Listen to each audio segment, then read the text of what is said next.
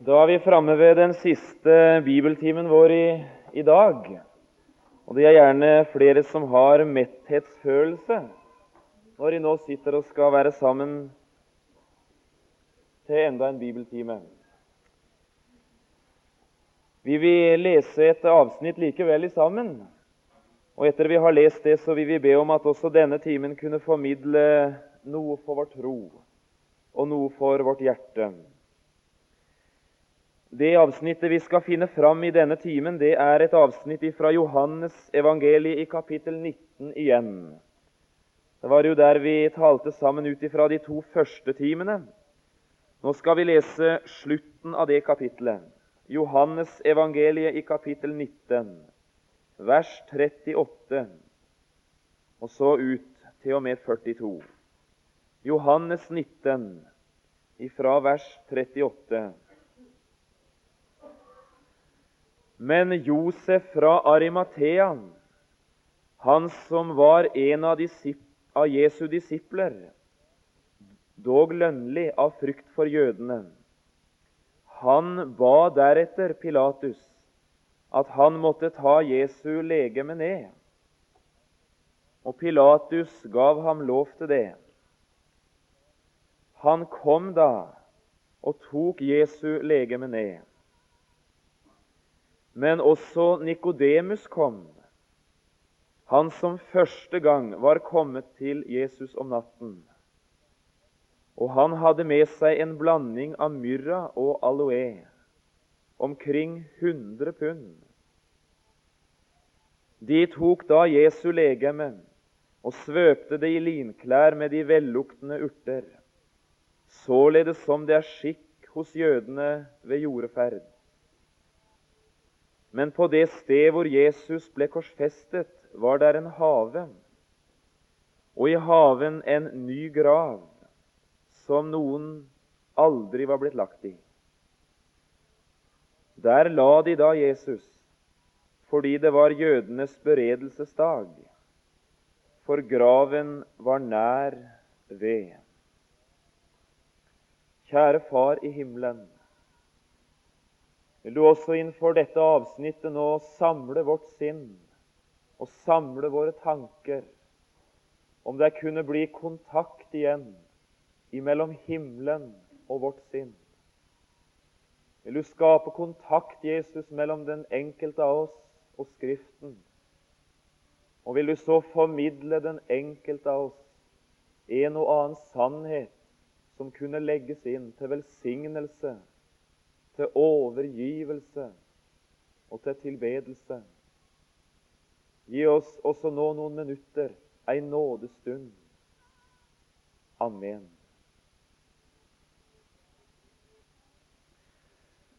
Det er i grunnen ikke så mye vi vet om disse to mennesker som vi leste sammen om i tekstordet vårt i ettermiddag. Her var det altså Josef fra Arimathea, og også Nikodemus vi legger merke til ved Jesu kors. Der er i grunnen flere vi møter ved korset som vi kjenner langt bedre enn dem. Ikke minst Pilatus, som vi nå talte sammen om i formiddag. Og allikevel, om det ikke i omfang er så stort, så er det så dyrebart likevel. En perle, den er ikke særlig stor, men å, så dyrebar den er. Og kanskje kunne vi kalle dette lille glimtet av Josef fra Arimathea og Nikodemus, der de nå sammen står ved Jesu kors, for en av evangeliets små perler. Det er ikke så mye vi vet om de. Og allikevel, bare i de små glimt som evangeliene gir oss av disse to, så tegnes det et bilde av de som gir oss opplevelsen likevel. Vi syns vi kjenner de ganske godt. Josef fra Arimathea han hører vi aldri om i Bibelen, annet enn akkurat her. Vi vet ingenting om han før han nå dukker fram ifra det store ukjente og står der under Jesu kors. Og vi hører heller ingenting om denne Josef etterpå. Nikodemus vet vi jo litt mer om. Johannes evangeliet har tegna et fint bilde av den mannen. Ikke minst i det tredje kapitlet i Johannes så møter vi Nikodemus og lærer han å kjenne ganske godt i forbindelse med den nattlige samtalen med den Herre Jesus, der Nikodemus får veiledning og finner trøst som han aldri før hadde opplevd det. Et lite glimt har vi han også i Johannes 7, i forbindelse med et rådsmøte i slutten av det kapitlet. Jeg bare nevner det. Der står han fram og kommer med en liten betenkning. Er det ikke nødvendig å spørre han selv? Det er Jesus de taler om. Er det ikke nødvendig å spørre ham selv? Vi har jo ikke den skikk å dømme noen uten at de selv har fått gjort rede for seg ingen bekjennelse til Jesus akkurat. Og allikevel ble det nesten oppfattet slik. Og så dukker han fram her, denne Nikodemus ved Jesu kors. Om det er få trekk vi ser, så er det så levende og fint, dette lille vi ser. Skulle jeg få si litt om disse to? På mange måter så skiller disse to som var rådsherrer, seg ut ifra alle sine likesinnede. Av de 70 rådsherrene i Israel så hører vi om to som var ganske annerledes enn alle de andre. Det var Nikodemus og Josef fra Arimathea. De få glimt og de få trekk som vi kan se av disse to, tegner for oss fine, edle karakterer. Og det er nesten bemerkelsesverdig hvor annerledes de var enn de andre. Det var noen av de fine fruktene vokst fram også ved den foreløpige åpenbaring. Likevel er det mye mer deres svakhet enn deres styrke som vi legger merke til. Det er mye mer svakheten i bildet av disse to som vi legger merke til, enn akkurat det edle, fine. Både når det gjelder Josef fra Arimathea, og også når det gjelder Nikodemus, så finner vi en, en merkelig frykt for å vedkjenne seg sine innerste tanker om Jesus. Både i Josefs liv og også når vi leser om Nikodemus, så legger vi merke til det. De kjempet med noe av dette å våge å stå fram med sitt vitnesbyrd og sin bekjennelse til Jesus. Og når vi her møter de i evangeliene, så møter vi de på den tunge, vanskelige vei som mange av oss har måttet gå. Ifra den gryende, anonyme tro fram til den fulle bekjennelse i offentligheten til Jesu navn. Det er en vanskelig vei for mange av oss. Og Jeg tenker på en del av dere unge som er her. Kanskje er det akkurat den veien du er på nå. Du har opplevd at i ditt sinn, der spirer det noe. Du er i ferd med å oppleve en slags soloppgang i ditt liv. Det er som den lille spiren som har bodd i ditt sinn i lang tid. Det er som denne lille spiren nå er i ferd med å vokse seg stor. Og det lille, enkle, barnlige lys du har hatt over Jesus, og evangeliet, det er i ferd med å tilta nå. Du syns du ser soloppgang. Og så opplever du det som for mange er så vanskelig. Om en selv synes en får se noe mer av lyset ifra Jesus, så er det likevel så vanskelig selv å stå fram i lyset med det en har sett. En befinner seg på den vanskelige vei ifra menneskefrykt, reserverthet, skal jeg våge, til det å stå der på egne bein. Og som jeg ønska å si det, jeg vil høre Jesus til. Jeg ville så gjerne si det i innledningen av dette. Og om vi kunne ligne disse to, ikke bare i deres svakhet, men også i deres styrke, der de nå under Jesu kors står med den sterke, fine bekjennelse til Jesu navn og til det Han gjorde også for dem. Jeg synes det er altså noe fint ved det. Samtidig som Mesteren selv gikk lidelsens vei, så var det to som var på bekjennelsens vei. Samtidig som Mesteren var på vei inn i dødens dype mørke og fortvilelse, så var det to nå som kom fra mørket og var på vei imot lyset og dagen. Samtidig som Mesteren sin vei tok slutt ved et kors, så begynte en ganske ny vei ved det samme kors for to nye bekjennere av Jesu navn. Og Nå skal vi gjøre det enkelt og kortfattet denne timen. Vi skal følge disse to det veistykket det gikk, ifra begynnelsespunktet der de står redde, skjelvende, akkurat slik de kjente det var. Vi skal følge de fra det punktet, veien de gikk, helt fram til endepunktet, da ingen lenger var i tvil. Dette er noen av Jesu venner. Og kunne vi slik få se disse to, både i begynnelsen, langs veien og ved målet. Kanskje var det en og annen som kunne få en stille tilskyndelse til å gå den veien sammen med dem. Begynnelsen av veien. Litt om det. Hva var egentlig deres utgangspunkt, disse to?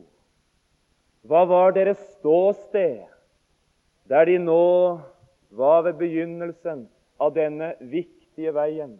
Veien fra taushetens mørke til bekjennelsens og lovprisningens mektige lys.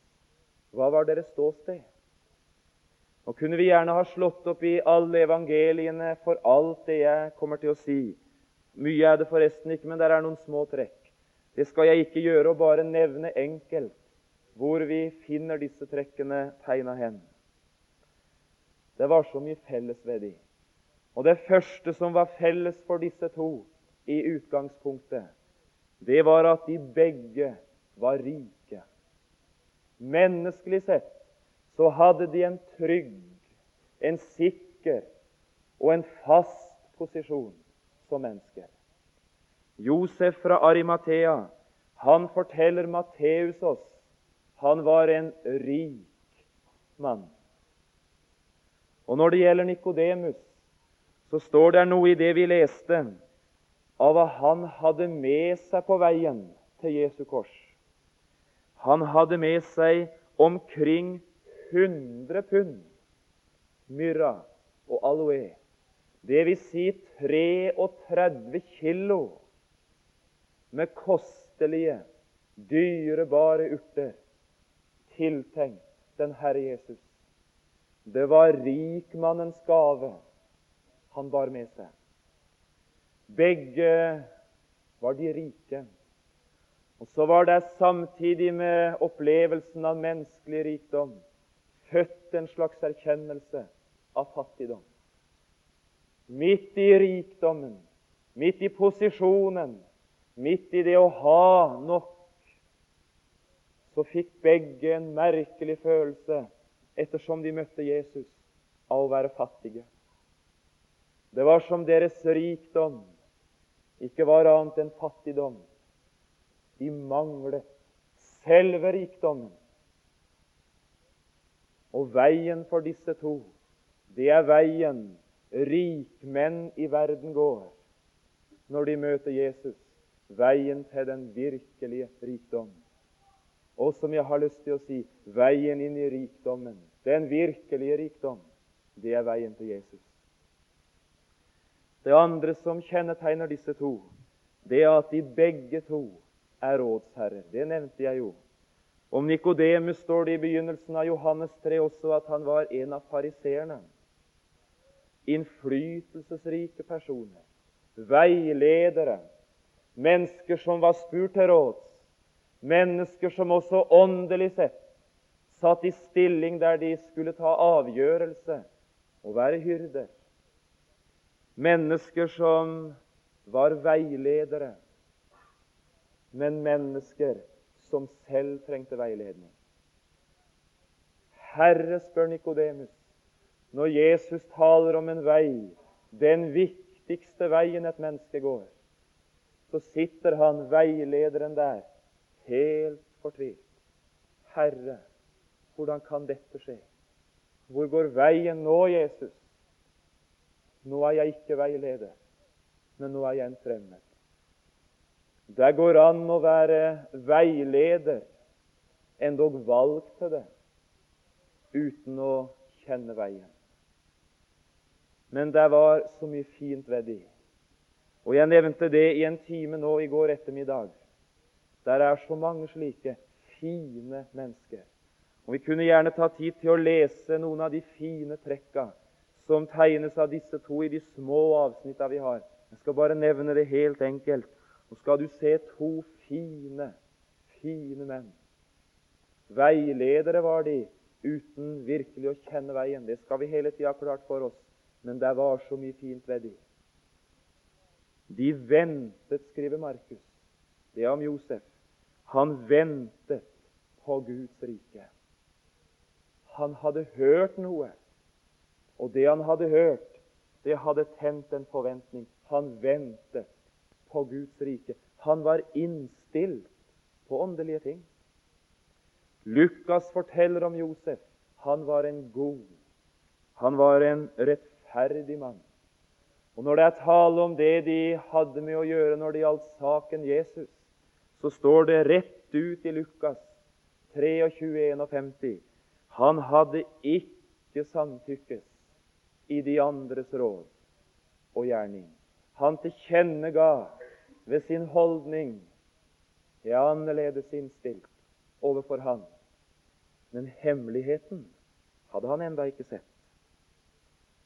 Det samme hadde Nikodemus gjort, sånn som jeg skildra det. Rettskaffen som han var, så hadde han stått der frimodig og sagt Du kan lese det i Johannes 7 imot slutten. Kanskje skulle jeg lese det ordrett så du fikk det. Nikodemus, vers 50 i Johannes 7. Nikodemus, han som før en gang var kommet til ham, og som var en av dem, sier til dem, Vår lov dømmer da vel ikke noen, uten at de først har hørt ham og fått vite hva han har gjort. Han fikk gjennomgå for det, Nikodemus. De svarte ham, Kanskje også du er fra Galilea? Ransak, så skal du se at ingen profet kommer fra Galilea. Der var ingen støtte, men renslig var han Nikodemus og skvær. Der var bare én brist, som jeg nevnte ved disse rike, fine rettskaffene. Og bristen var denne. De trodde nok, men lønnlig. De hadde sett såpass mye av den Herre Jesus at det var begynt å spire noe i deres sinn. Men de var enda ikke av de som våget å tilkjennegi hjertets skjulte tanke og hvem de egentlig var. Nikodemus kommer til Jesus om natten, ganske sikkert for ikke å bli sett. Josef fra Arimathea får den attest i Johannes 19 dog lønnlig en av Jesu disipler. Menneskefrykt. En våget ikke. Der sitter gjerne en og annen i bibeltimen vår nå som vet akkurat hva det er. Jeg forsøkte å skildre litt i stad og skal bare samle det i dette. Du er overbevist i ditt sinn om at ordet om Jesus, det er sannhetens ord. Du har opplevd så mye i møte med det ordet. Du har opplevd så mange rike stunder når det ordet fikk inngang i ditt liv. Og du har mer enn én en gang tenkt 'Å, så godt det var at jeg fikk høre det ordet'. Og så sliter du likevel med dette der. Du har aldri våget, iallfall på ordentlig, å tale ut til andre om det som er dine skjulte tanker og din innstilling til Jesus. Kanskje er det noen av dere unge som har det sånn. Det er vanskelig for deg på skolen å få sagt til de andre hvem du ønsker å være. Det er vanskelig i alle sammenhengene du møter på skolen, å tilkjennegi det du ønsker å være en Jesu venn, og som du vil ha sagt det, men også vanskelig det er. Du sliter med det som heter menneskefrykt. Så er ditt ståsted, og vi kjenner vel litt av det hver eneste en av oss, så er vårt ståsted det samme som deres. Og så har jeg lyst til å si noe. Og det er det andre. Ifra menneskefrykten så fant disse to veien til lyset, til bekjennelsen, til den frimodige tro, og til dette også utad og gi til kjenne. Å, som jeg ønska å tjene, ære den Herre Jesus. Og jeg har så lyst til å si å, om du nå ville følge med den veien ifra din vanskelige plass i menneskefryktens vold. Kanskje fant du veien ut i lyset og i dagen. Det er merkelig, det. Når vi leser beretningen om Kristi kors, så er det på en måte nesten skjedd en total forandring i disse to. Ifra skildringen av hvem de var, til dette som vi nå ser. Josef fra Arimathea han våget seg endog å gå til Pilatus og be om å få ta Jesu avkrefta, ja, døde legeme ned av korset. Han våget det som han aldri før hadde våget. Og Nikodemus som første gang kom om natten i mørket, der var ingen som så. Nikodemus kom skriver Johannes. Og så sto han der så alle kunne se det. Og så var han med å gi Jesus den siste ære, eller kanskje den første. Hva var det som var skjedd? Kanskje kunne vi hjelpe hverandre inn på veien ifra fryktens og redselens fengsel til friheten i det å legge for dagen å, som jeg ønska å skulle være en Jesu venn. Veien lærer vi av Nikodemus. Den lærer vi i Johannes 3.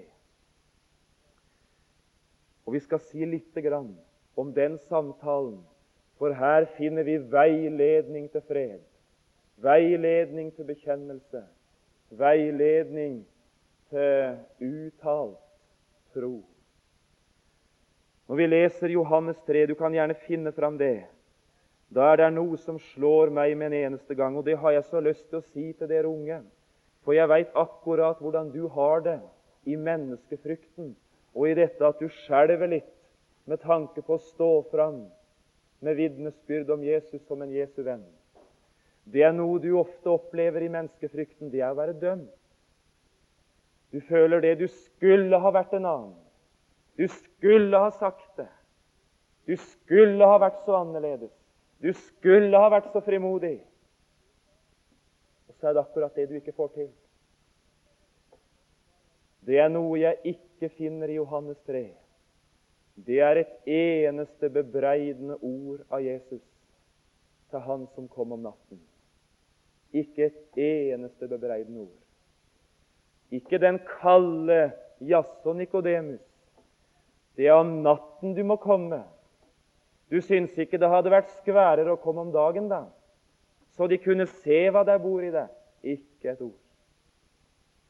Men jeg ser for meg en Jesus som tok imot en som hadde vanskelig for å bekjenne, og som skolv ved det offentlige å skulle være en Jesu venn. Ikke et bebreidende ord. Og Det har jeg lyst til å si til deg som ofte har vært dømt og anklagt og hatt det vondt, altså, fordi du aldri har våga å bekjenne. Du skal ikke få et eneste bebreidende ord i din menneskefrykt. Du skal ikke få et eneste bebreidende ord av den Herre Jesus, og ikke av meg heller, for den saks skyld. Det som er så om å gjøre, det er at du går til Jesus, blir hos Jesus, lytter til Han og åpner deg bare enda mer for det Han har å si. Gjør det gjerne med skjelvende hjerte. Gjør det gjerne i frykt for de andre, bare du går til ham. Bare du sitter hos ham. Bare du lytter til ham. Jeg skal undre meg på om det ikke er farligere å presse fram ei ung spire før den er moden, enn å la den spede spira få tid hos Jesus til å vokse naturlig fram. Den skal nok komme i lyset. Det kan du stole på. Hvis den spede spira presses fram, drives fram, så er det så lett at den kalde verden ødelegger det gryende liv. Vi kan nok si det til hverandre av og til. Det er flott med alle de frimodige ungdommene, sier vi. Tenk, han er ikke mer enn 15 år, og han står jo fram og er så frimodig. Han er jo midt oppi det. Ja, jeg skal undre meg på om det alltid er så sunt. Jeg har så lyst til å si, kjære eldre troende mennesker, dere skal ikke alltid presse fram de unge. Dere skal ikke alltid kjøre de fram om de er 17 år og har sånne fine egenskaper og kan bli til så stort. Det var mange som Å, så løfterikt det så ut. Å, så lyst det så ut. Å, sånn ei framtid vi syns vi ante for dem. Men så var det noen som i uviselighet pressa de fram. Og jeg hadde nesten lyst til å si det var noen som til og med pressa de fram for de sa nå har vi holdt på lenge nok. Nå kan dere overta.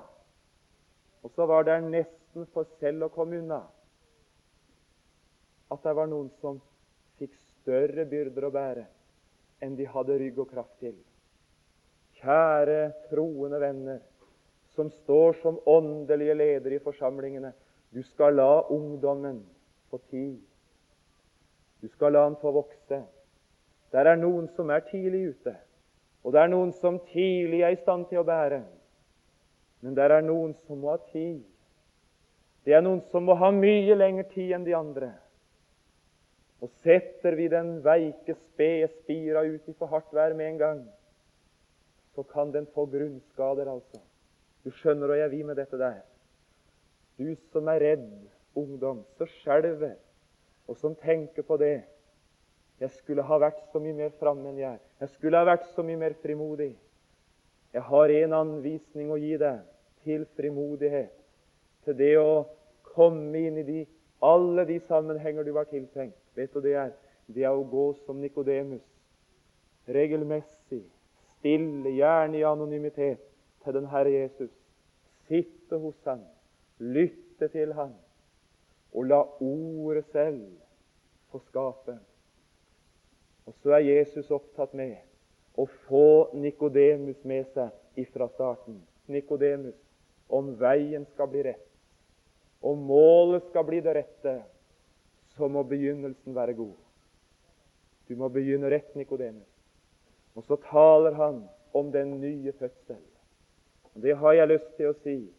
Jeg skal undre meg på om det ikke er en del frimodige i dag som bekjenner tro uten å eie tro.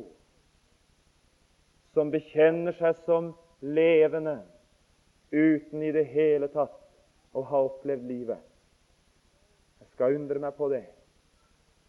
Jeg skal undre meg på om ikke det er vår tids aller største behov å hjelpe mennesker til den rette begynnelsen. At utgangspunktet kan bli godt. Jeg er vel født på ny. Jeg har vel fått del i det nye livet. Jeg er vel ikke en gammel, en gammel trell som bare er omformet og pynta på og pussa opp litt. Jeg er vel født på ny. Og Så er det som Jesus stille sier Kan du bare bli født på ny, Nikodemus? Kan du bare få del i det nye livet? Så skal nok også alle virkningene komme. Så skal du glemme, Nikodemus, frykten din, redselen din. Og skal du glemme alle virkningene som du ønska å se, men som du ikke ser.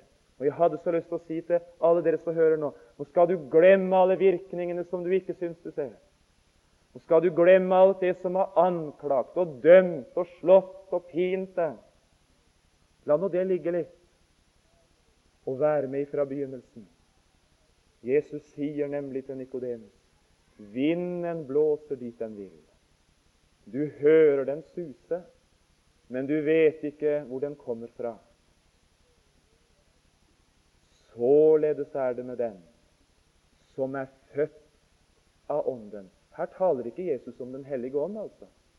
Her taler han om en sann kristen. Det kunne mange i vår tid legge seg på sinn.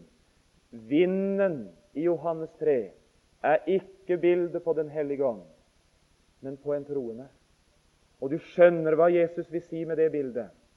Det er noe med vinden du ikke kan se.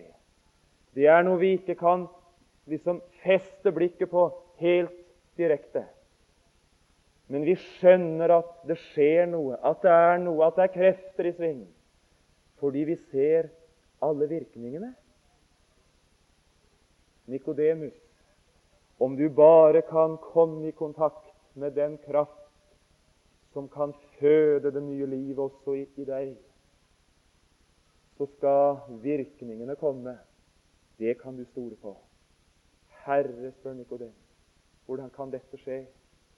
Du må vise meg veien nå, Jesus, inn til livet, at jeg i alle fall kan få den begynnelsen, eie livet, begynne rett. Og kunne også det skje at det ble virkninger som jeg har lengta så etter. Og så er det ikke noe jeg heller vil. Jeg vil så gjerne si noe akkurat nå. Det er forskjell på å tale om en ting og å tale til en ting. Jeg kan godt stå på prekestolen her og preke om frelsesvisshet i halvannen time. Det var bare å samle stoff nok. Men det er ikke sikkert jeg talte til frelsesvisshet for det. Jeg kan godt stå og dosere om troen i åtte timer på et bibelkurs. Det er bare å lese teologisk litteratur nok. Men det er ikke sikkert det er et eneste menneske som kommer til tro for det. Det er ikke sikkert om en taler om tro, at en taler til tro. Det er voldsomt alvorlig for en forkynner det. Vi er vel ikke bare slike som taler om sannheten. Vi er vel slike som taler til sannheten.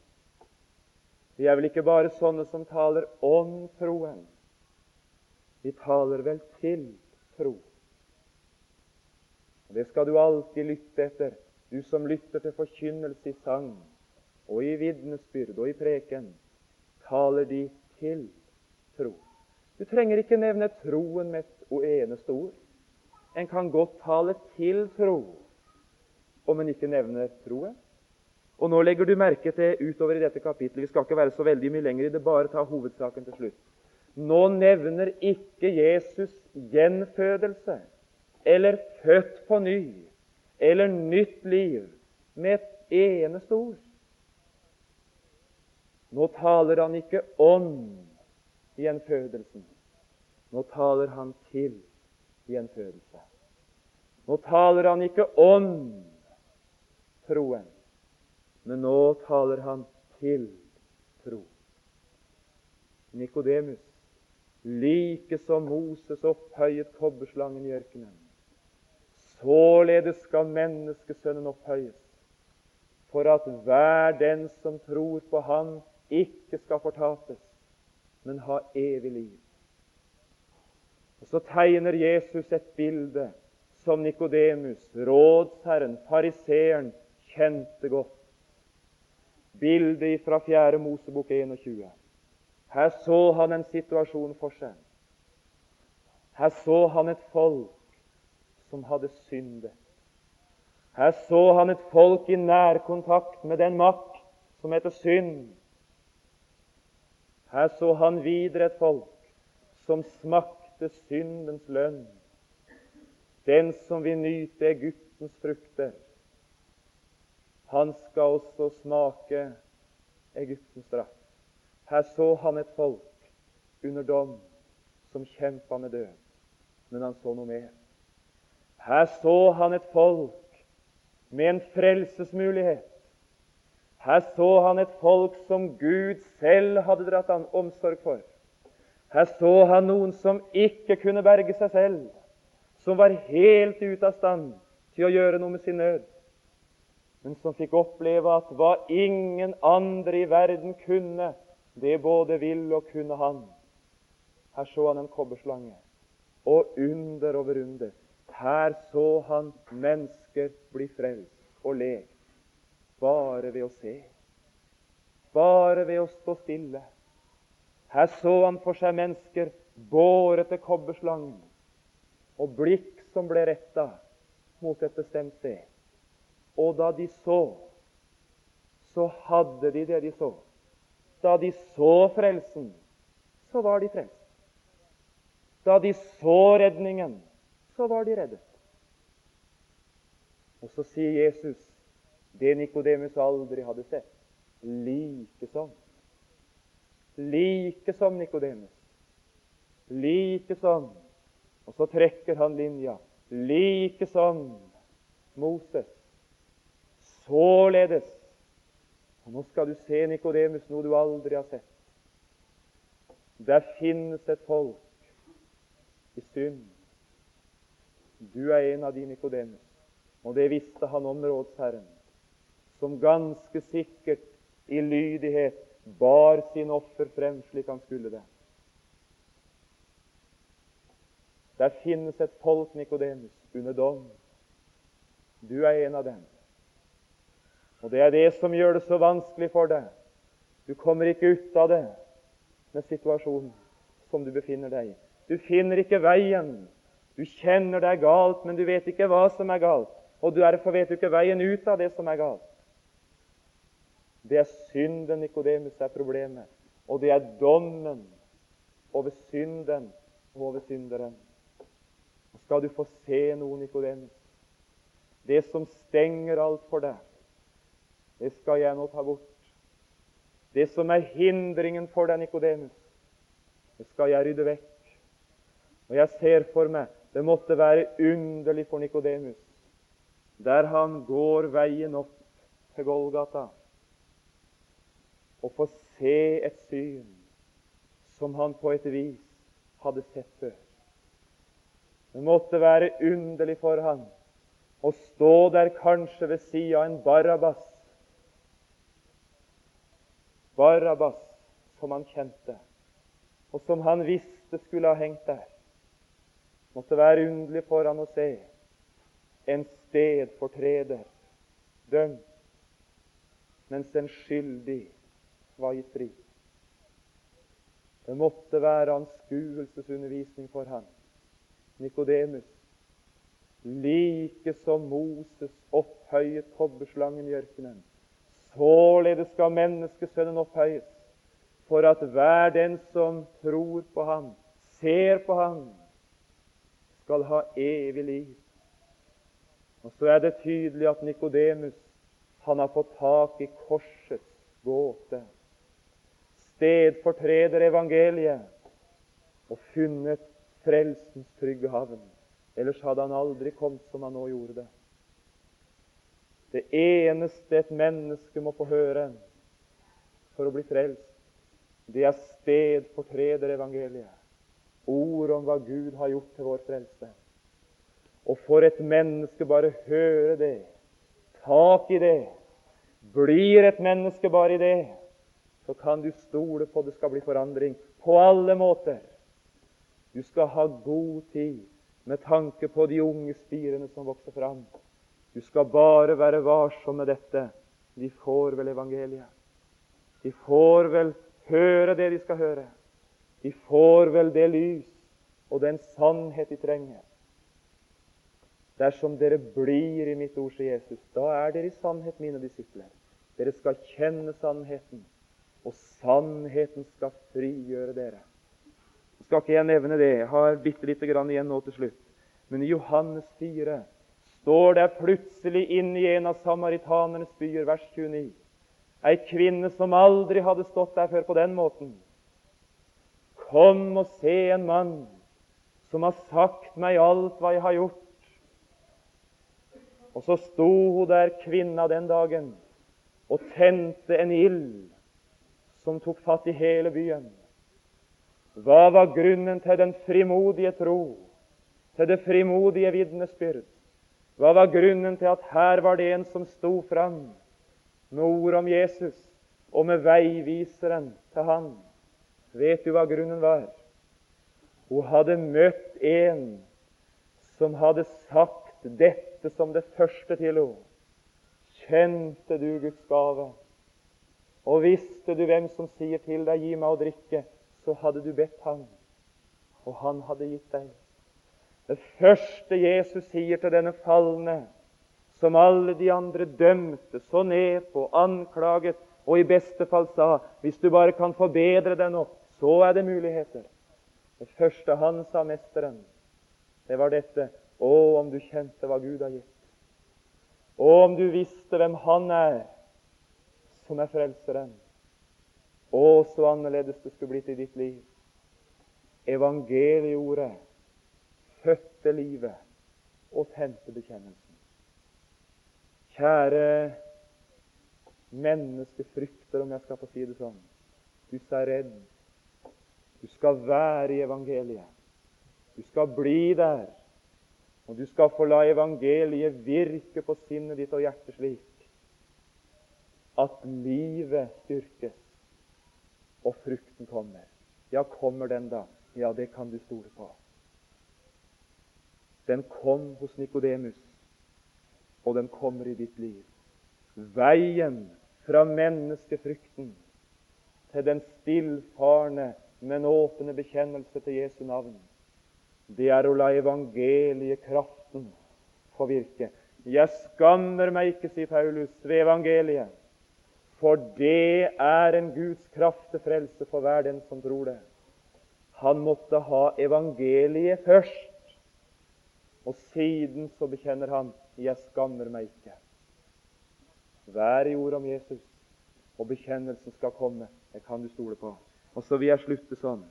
Det er så fint å se disse to ved endepunktet av veien ut i lyset. De står der altså med, med frukt og med virkning med en eneste gang. Og La meg slutte bare å si det. Tre bitte små ting. Jeg skal bare nevne det helt kort til slutt. Å, for en fin frukt jeg ser i Nikodemus og Josef fra Arimathea. Å, så fint det er å se den frukt i mennesker i dag. Der fikk tre virkninger i disse menneskenes liv. De som før hadde gjemt seg, fryktet og vært redde. Nå skal jeg si det var annerledes. Det første jeg legger merke til de nå, det er dette. Nå stilte de seg selv til Jesu disposisjon. Nå fikk alt være hva det var. Nå når de hadde sett, nå når de hadde funnet hemmeligheten, så var det Jesus det dreide seg om. Nå skulle livet være hans. Nå skulle kreftene brukes til hans ære. Nå skulle føttene gå hans ærend. De ga seg selv til han og stilte seg selv til hans disposisjon. Josef går til Pilatus. Nikodemus bærer med seg sin gave. Nå er livet Kristus. Å, så godt det er når en får møte sånne mennesker. Evangeliet om Jesus har tent et nytt sinn. Jesus, meg selv, jeg deg bringer. Du som har gitt frelsens store gave til meg. Å, som jeg ønsker å gi meg selv til deg. Å, som jeg ønsker å være din. Det frigjorte menneskets lovsang er dette å være din, o Jesus. Hva er større? Å være din. Å være din. De ga seg selv først. Og siden så ser vi dette. Nå var det født én en eneste trang. Å, om vi kunne ære Jesu navn. Å, om vi nå kunne være med å løfte Hans navn fram. Å, som de har skitt navn til. Å, for en fornedrelse Han har smakt. Og om vi kunne gjøre vårt til å kaste glans over Hans navn. Og så gir de Han en ærefull grav og en ærefull død, og oppfyller et profetord skrevet mange, mange hundre år tidligere. Esaias 53 og vers 9. De gav ham hans grav blant ugudelige, men hos en rik var han i sin død, fordi han ingen urett hadde gjort, og det var ikke svik i hans munn. Tenk, det var noen som hadde vært livredde for å bekjenne Jesu navn, som fikk gi han den siste ære og den første. De ga seg selv, og så ønska de dette. Å, om vi kunne ære Jesus. Kjære tilhører, er ikke det en trang i ditt sinn? Er ikke det det du ønska? Han som var så god imot deg, ønska du ikke selv å være god? Han som reiste deg opp ifra skarne og ga deg et nytt liv. Og som du ønska det, å løfte Hans navn fram. De ønska dette å ære Jesus. Nikodemus, Josef fra Arimathea, den ene trang. Å, vi vil ære Han som har litt spott og fornedrelse. Og så slutter jeg sånn, og det er noe merkelig, altså. Nå var ingenting for godt for Jesus. Nå var ingenting for godt for ham. Det er altså et kjennetegn på en kristen. Ingenting er for godt for Jesus. Ser du Josef fra Arimathea? En ny grav. Ingen hadde ligget i den. Og I Matteus så står det sånn en fin detalj. Han kom med et fint linklede. Nå var ingenting for godt. Nå skulle han ha det som var nytt, det som var fint. Nå skulle han ha det beste. Kjære unge venn, det er ingenting som er for godt for Jesus. Du skal gi han din ungdom. Du skal gi han din blomstringstid.